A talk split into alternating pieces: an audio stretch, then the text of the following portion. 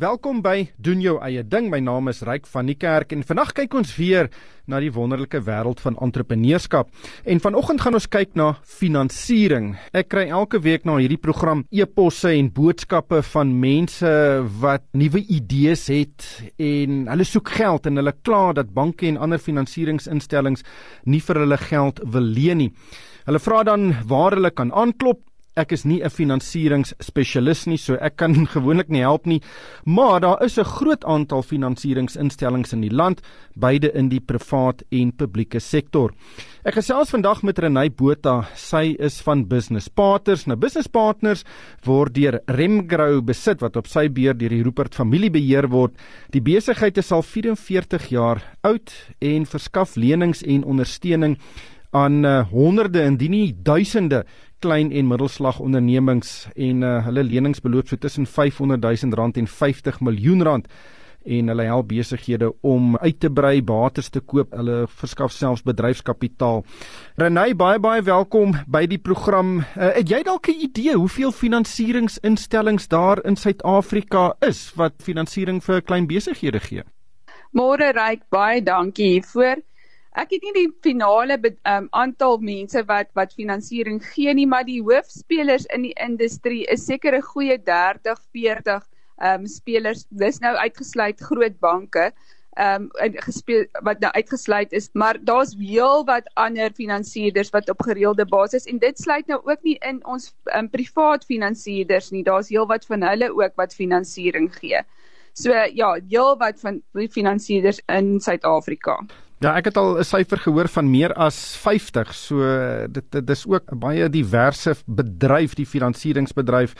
En baie keer klop mense by een instelling aan, dan kry hulle 'n nee en dan s' hulle kwaad. En uh, hulle sien dit as 'n bietjie van 'n mislukking.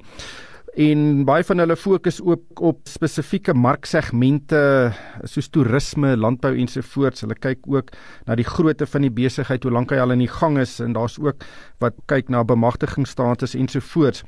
Maar kom ons gesels oor julle ervaring. Uh hoeveel aansoeke kry business partners sê nou maar elke maand van entrepreneurs en besighede wat geld soek wat julle dan nie voor geld gee nie, wat julle afkeer? So kom ek sê ons kry per maand of wel kom ons maak dit per jaar kry ons tussen 3000 en 5000 aansoeke formeel wat hulle ingedien het by ons kry ons kry ons landwyd in. Maar dit sluit uit mense wat nou maar net navraag doen. Ons kry seker goeie 20000, 30000 navrae so gedurende die jaar. Van daai, kom ons sê tussen 3 en 5000 wat aansoek doen gedurende die jaar, is daar omtrent gee ons tussen 10 en 15, kom ons maak dit tussen 18 en 15% per jaar wat ons wel maar um, finansiering voordoen. So dis maar 'n klein getal wat ons op die ou einde regtig finansier op ehm um, wat ons nou regtig finansier. So tussen ons ek dink ons het laas jaar het ons so by 350 besighede gefinansier. So dit gee vir jou die aanduiding hoe ons ehm um, finansieringsstelsel is. En dis 'n baie die norm van die finansiering versus wat uh, mense wat die finansierders ontvang is baie soortgelyk in die industrie tussen 10 en 15% wat dan goedkeuring kry op die ou einde.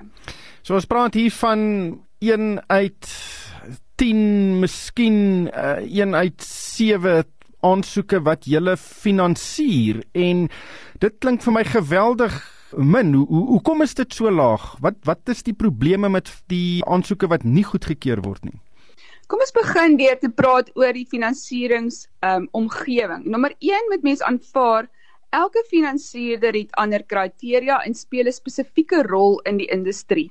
Daarom kan ek nooit sê nee, business partners is beter as 'n bank of is beter as 'n ander finansierder nie, want elkeen van ons het 'n spesifieke plek waar ons speel in die mark vir finansiering.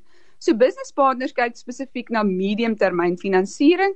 Ons is nie 'n bank nie, so ons uh, ons gee nie vir hulle enige um, ander goed soos oor oortrekkingsfinansiering of ons neem nie beleggings nie, ons het nie ehm um, chequerekeninge of enige iets so iets nie, maar ons gee mediumtermyn finansiering wat tussen sê maar 3 tot 5 jaar is vir toerusting en ehm um, normale besigheids uh behoeftes en dan 10 jaar vir geboue. So dis ons veld waarin ons speel en ons sê ook ons is 'n risikofinansiërder wat beteken daar's een of ander risiko in die besigheid. Dit kan of, of wees dat daar 'n um, besigheidsrisiko is of die finans of die entrepreneurial um, risiko is of dan nou op die ouende finansieringsrisiko is. So daar's met met ander woorde min eie bydrae of min sekuriteit en dis die mark waarin ons speel. So en hoekom is dit dan so laag? Nommer 1 dink ek gaan ek begin om te sê vir ons is dit baie belangrik dat dit lewensvatbaarheid moet bewys. So ons kyk spesifiek is die lewens is die besigheid lewensvatbaar of is die besigheidsmodel wat hulle opsit lewensvatbaar? Is die uitbreiding wat hulle wil doen of die begin van die besigheid maak dit sin en praat dit saam met die praat die risiko en dit wat hulle wil doen in die besigheid, praat dit met mekaar. Ek bedoel jy kan nie 'n finansiering gaan gee van 'n 100% in 'n besigheid en die eienaar sit geen eie geld in wat nou kom ons noem dit nou ehm um, ek noem dit altyd in Engels patient capital is. Jammer vir die Engelse woord, maar daai wat jy kan maar bietjie wag vir my geld om terug te kom. Finansierders wil nie altyd wag dat hulle geld moet terugkom nie. Jy kan nie met ander woorde nie 100% van geld wat 'n finansierder insit in 'n besigheid insit nie want jy maak die lewensvatbaarheid van die besigheid op die ouende sit jy onder druk. En dis een van die redes hoekom besighede nie noodwendig altyd finansiering by ons kry nie en selfs by banke of by ander finansierder nie want die besigheid kan nie daai hoë finansieringskoste bekostig nie. Die ander rede wat ek sal sê um, is is definitief entrepreneurs se se besigheid state en hulle inligting is nie gereed nie. En dan sit ook 'n gesukkel om daai inligting te kry of dit is nie goed opgestel nie en daarvoor dis ook een van die ander probleme. Ja, dit kan aandui dat die entrepreneur nie eintlik weet presies wat met die geldsaake van die besigheid aangaan nie.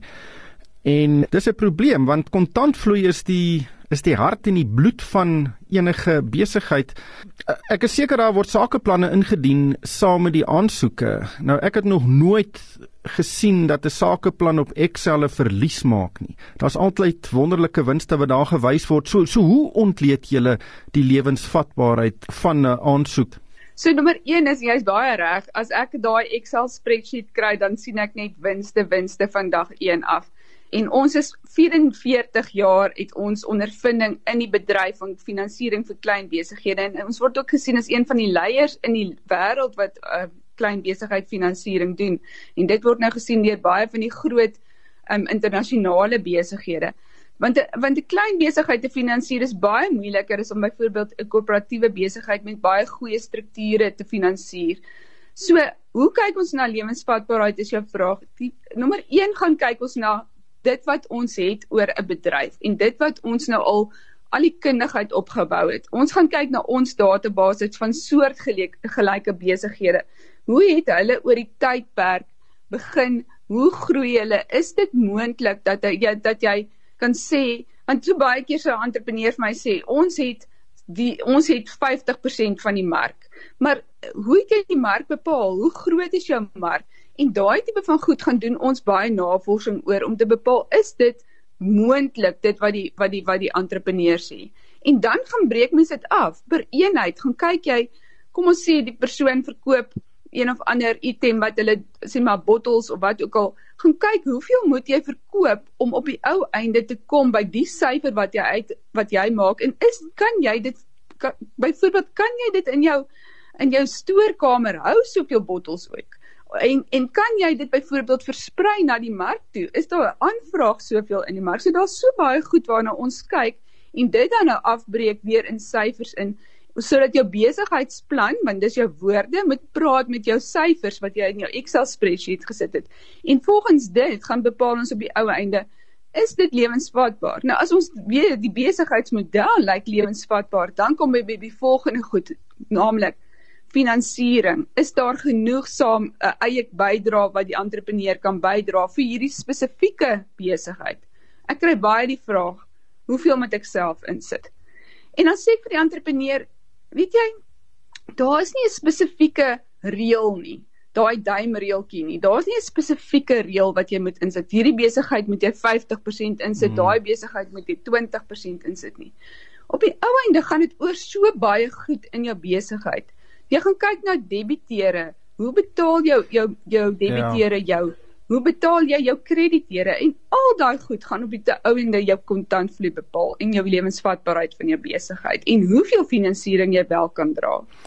Ja, ek dink die die punt is die finansiërder moet nie al die en wil nie al die risiko dra nie. Die entrepreneur moet ook groot blootstelling hê aan risiko's want dit bring mee dat die entrepreneur regtig moet fokus om die besigheid 'n sukses te maak want dan as daar iets uh, fout gaan dan uh, is dit nie net die uh, finansiëerder wat geld verloor nie dit is ook die die entrepreneur. Ek gesels met Renay Botha, sy is van Business Partners en ons gesels oor die finansiering van besighede en veral klein besighede.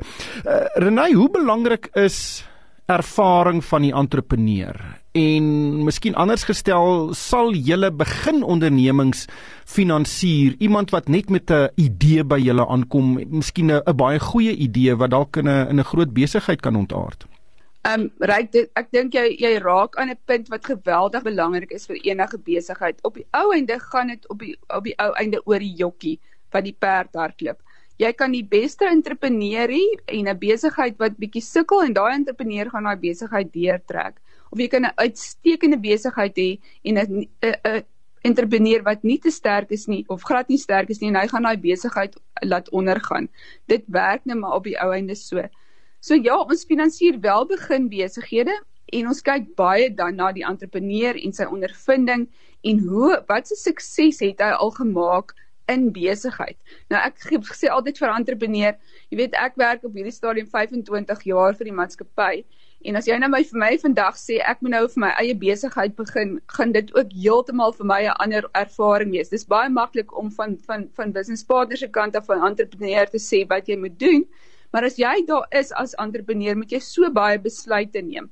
En daarom is dit so belangrik dat daai entrepreneur die kundigheid het en natuurlike besigheidsondervinding het. So ek sê nie jy moet as jy 'n besigheid vir 'n klein vervaardigingsonderneming wil begin dat jy noodwendig alles van daai produk moet weet nie. Maar as jy weet hoe om 'n besigheid te hardloop en as jy al voorheen besigheidsondervinding gehad het van wat jy bymekaar moet sit, is dit geweldig belangrik vir ons in terme van besigheid en of of die besigheid op die ou einde suksesvol gaan wees want daai entrepreneur gaan die plan vat en die regte goed in plek sit.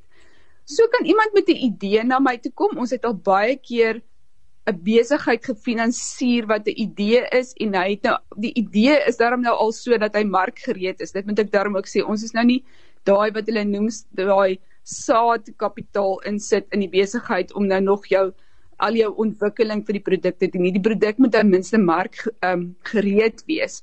Maar in daai opsig het ons ook al daai entrepreneurs gefinansier wat dit het, maar gewoonlik het hulle ook goeie ondersteuningssisteme ja. of ons help dat hulle ondersteuningssisteme in plek sal sit. Jy het vroeër gesê dat verskillende finansieringsinstellings het uh, uiteenlopende kriteria waarop hulle hulle besluite baseer om nou uh, finansiering te verskaf of nie.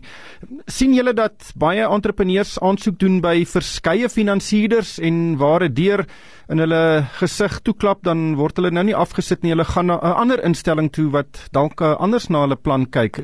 Is, is dit 'n benadering wat julle sien baie entrepreneurs volg? Ja, geweldig baie.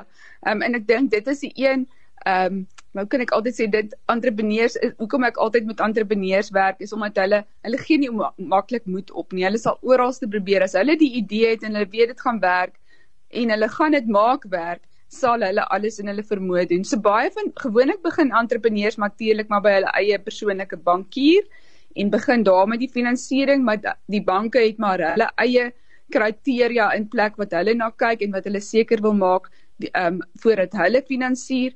As hulle nie daar regkom nie, sal hulle baie keer by ons land of by een van die ander daar's ook baie van die staatsinstellings wat finansiering doen.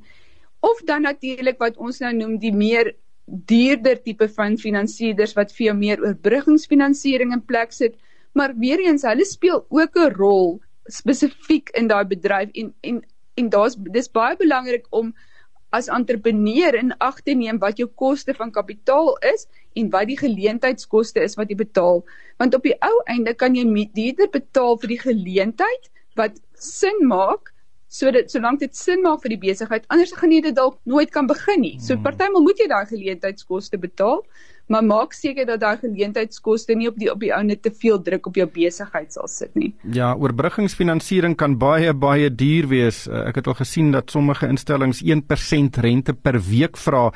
Gepraat van rente, watter rentekoerse is tipies gekoppel aan hierdie tipe van besigheidslenings? So, as jy begin kyk, elke ding gaan kyk jy na watse opbrengskoers wil 'n uh, investeerder hê. So ek vergelyk dit altyd met 'n investeerder. Met ander woorde, kom ons begin by iets soos 'n soos 'n huis of 'n of 'n eiendom of wat ook al. Daar's 'n rede hoekom mens vir daai tipe van van finansierings bietjie goedkoper betaal op um, op die ouene want daai daai eiendom en daai batewaarde is daar sekuriteit in en die die finansierder behoort ten minste 'n groot gedeelte van die van sy sy geld wat hy het terug te kry. Dis soos met enige ding. As ek 'n risiko kry, dan gaan ek 'n sekere opbrengskoers kry. So as ek nie wil risiko neem nie, dan gaan sit ek my geld in die bank en ek los dit daar en ek kry baie lae opbrengskoers op dit want ek wil dit nie verloor nie. Maar as ek dit insit in 'n besigheid, wil ek 'n beter opbrengskoers hê op die ou ende want ek dis meer risiko's daaraan verbonde. En so is dit met elke klas van van item wat jy nou of bate wat jy finansier. So of dit nou die ehm um, die die die eiendom is en of dit toerusting is, toerusting kan enige iets wees van kom ons kom ons koppel dit aan prima. Enige iets by party van die van die instellings afhangend van die tipe ehm um, ehm um, toerusting sal hulle kom ons sê tussen prima plus 2 tot prima plus 8 vra op op om seker goed te finansier. Werkskapitaal is altyd duurder, dis hoekom jy ook sal sien baie keer oortrokke fasiliteite betaal jy prima plus 10% op daai tipe van goed. En wanneer begin na ander tipe van wanneer geld glad nie sekuriteit voor is nie. Met ander woorde, ek kan môre ek sit die geld in daai besigheid en dan moet ek net nou maar hoop ek gaan dit op die ou net terugkry. Daai tipe van geld kyk jy na pryse van 35% en op en dis soos wat jy my gepraat het met hierdie oorbruggingsfinansieringsmense wat 1% per week vra. Hulle het geen sekuriteit nie. Hulle het baie vinnige omdraai kansse so hulle wat ons noem hulle ehm um, hulle lewensvatbaarheid studies is baie korter wat hulle daarop doen en hulle kry net sekere inligting. So die kans dat hulle daai geld gaan verloor is baie goed en daarom is hulle geld baie duur in die mark. Maar sodra jy begin langer prosesse volg en jy kan verstaan jou risiko beter op die ou einde en jy kan dit met iets, kom ons noem dit ehm um, verseker met 'n bate of iets dan begin jou pryse af te kom. En dit is maklik om dit aan prima te koppel want dit is gewoonlik maar die die beginpunt vir die meeste van die van die bates se soos se pryse. Ja, dit is baie hoog as jy nou prima plus 10% of 10 persentasiepunte dan kom ons hier by 'n rentekoers van amper wel basies 20% uit wat geweldig hoog is en dit moet ook 'n risiko vir 'n besigheid wees die geweldige hoë rentekoerse en rentebetalings. So weer eens ek ek dink herfinansiere huis en begin klein en en bou 'n besigheid eerder as om te dink dat finansiering met so 'n hoë rentekoers die antwoord is. Maar sê nou maar 'n besigheid sien 'n geleentheid raak, hulle is bereid om hierdie tipe van rentekoerse te betaal en hulle doen nou aansoek vir 'n lening. Uh, watter raad het jy vir so 'n entrepreneur dat hulle aansoek goed genoeg is om regtig ernstig oorweeg te word? Wat wat is die sleuteldinge wat hulle daar moet insluit? Nou, nommer 1 wat ek wil begin is deur te sê is as jy bereid is om daai tipe prys te betaal, moet die onderliggende rede daarvoor wees dat jy meer geld gaan maak. So, jy kan nie 20%, 25% gaan betaal, maar jy gaan nie 'n opbrengs op die nuwe kontrak kry van sê maar 10%. Dit maak nie sin nie. So jy dan kan jy nie dit doen nie. So dit help nie om vinnig deur goed te hardloop net om 'n sekere opbrengs te kan um, om daai kontrak vinnig te kry, maar dit kos jou so baie geld om dit te kry dat dit daar geen wins op die ou in, in plek is nie. So nommer 1 is gaan maak seker met jou finansieringskoste en al jou ander oorhoofse kostes gaan jy steeds darm geld maak uit die proses uit. Anderster mors jy net jou tyd en gaan jy jou besigheid onder druk plaas. Dierfinansiering moet mens nie oor 'n te lang termyn doen nie. So as jy dit daar is, daar is 'n plek vir dierfinansiering want jy moet partymal dit oorbruggingsfinansiering kry en dis vir 'n kort termyn wat jy dit doen, dan maak dit sin. Maar weer eens Mens moenie nie 'n rad kom waar jy nou 100 000 leen en nou moet jy weer 100 000 leen om weer daai 100 000 terug te betaal nie. Dit maak ook nie sin nie. So jy moet dit kan as as hulle vir jou daai finansiering vir 6 maande gee en dit is nou baie duur, dan moet jy dit kan betaal en dan moet jy weet dit dit was die moeite werd om dit te doen. So dis nommer 1 wat ek gaan sê, so gaan doen jou somme daarvolgens. Tweede plek is maak seker jou inligting is in plek. Ek het dit in die begin gesê, dis een van die redes hoekom mense verskriklik sukkel om finansiering te kry. Hulle finansiële state is nie op datum nie. Hulle het nie bestuurstate op datum nie. Hulle het hulle uh, persoonlike inligting is nie op datum nie. Daar is so baie uitstaande items. Hulle het probleme met met SARS. Hulle het probleme met hulle ouditeure en nou probeer hulle hulle finansiering kry. Jy gaan nie kry nie, want dit is die enigste ding wat ons as finansierders het om te kan kyk of ons bereid is om die risiko te neem en wat is dis hoe ons ons ons die besigheid kan assesseer en seker maak maar ja, ons voel gemaklik met hierdie besigheid en met die entrepreneur en vorentoe en dit sê vreeslik baie van die entrepreneur as hy goed op datum is. So dit plaas dit ook al vir ons baie makliker op die ou einde sodra 'n persoon aansoek doen. Ja, ek dink kontantvloei is ook sekere 'n sleutel aspek want jy gaan kyk na die kontantvloei van hy besigheid en die besigheid se vermoë om dit terug te betaal en ek dink jy maak 'n uitstekende punt. As jy gaan geld leen teen sê 20% rente, dan moet die doel waarvoor jy dit gaan aanwend vir jou 'n hoër opbrengs gee, anders te maak dit glad nie sin nie. Hoe hoe goed dink jy werk die gemiddelde entrepreneur in Suid-Afrika met kontant? Joh, dis nou 'n dis nou 'n baie moeilike vraag om te vra want ek gaan vir jou my eerste reaksie om te sê nee, hulle werk nie baie goed met kontant nie. Hulle is gebruik geneig om nie regtig te weet wat se kontant vloei deur hulle besigheid nie. So nou kry hulle kontant in daar en hulle hulle het nie 'n goeie stelsel in plek om te weet wat doen hulle met daai kontant nie. So hulle wil nou probeer keer om nou kostes, bankkostes en allerlei ander goed te betaal. So hulle gehou die kontant by hulle en dan betaal hulle weer ander goed daarmee. Maar dis soos daai geldjie wat ek nou getrek het vandag by die bank, my 1000 randjies wat nou my beursie is. Nou koop ek hierso 'n brood en daar melk en, en ek betaal die die huisbediende en ek doen dit en ek doen dat. En op die ou einde as ek klaar is, dan weet ek glad nie wat ek met my 1000 rand gedoen het nie. En so gebeur dit met entrepreneurs ook. Hulle het nie 'n idee wat hulle gespandeer het op hulle besigheid nie. En dit is hoekom dit belangrik is as jy daai kontant kry, wel want daar's baie besighede wat in kontant werk, is betaal dit in jou bank in sodat jy weer met daarvan af uitbetaal sodat daar 'n jy kan sien wat gebeur in jou besigheid. Sodra jy nie weet wat in jou besigheid gebeur nie, dis een van die grootste redes hoekom besighede ondergaan is want die entrepreneur weet nie waar gaan die geld heen nie. Renay, baie baie dankie vir jou tyd vandag. Ek uh, dink uh, jy het 'n hele paar goeie wenke vir voornemende entrepreneurs en ook bestaande entrepreneurs wat hulle besighede wil uitbrei gegee. En kyk, entrepreneurs is die lewensbloed van ons ekonomie. Dit het baie baie mense in diens en werkskepping is natuurlik so belangrik. Uh finansiering is 'n deel daarvan, maar ek dink besighede moet dit reg benader en vir die regte redes benader, anders te kan dit 'n meelsteen word eerder as 'n 'n manier hoe hulle meer suksesvol kan wees. Maar baie baie dankie vir jou tyd vanmôre. Dankie Ryk vir die geleentheid. Dit was Renay Botha, sy is van Business Partners en uh, luisteraars kan vir my 'n e-pos stuur. My adres is ryk@moneyweb.co.za. En daarmee groet ons van my Ryk van die Kerk en die Moneyweb span. Baie dankie vir die saamluister.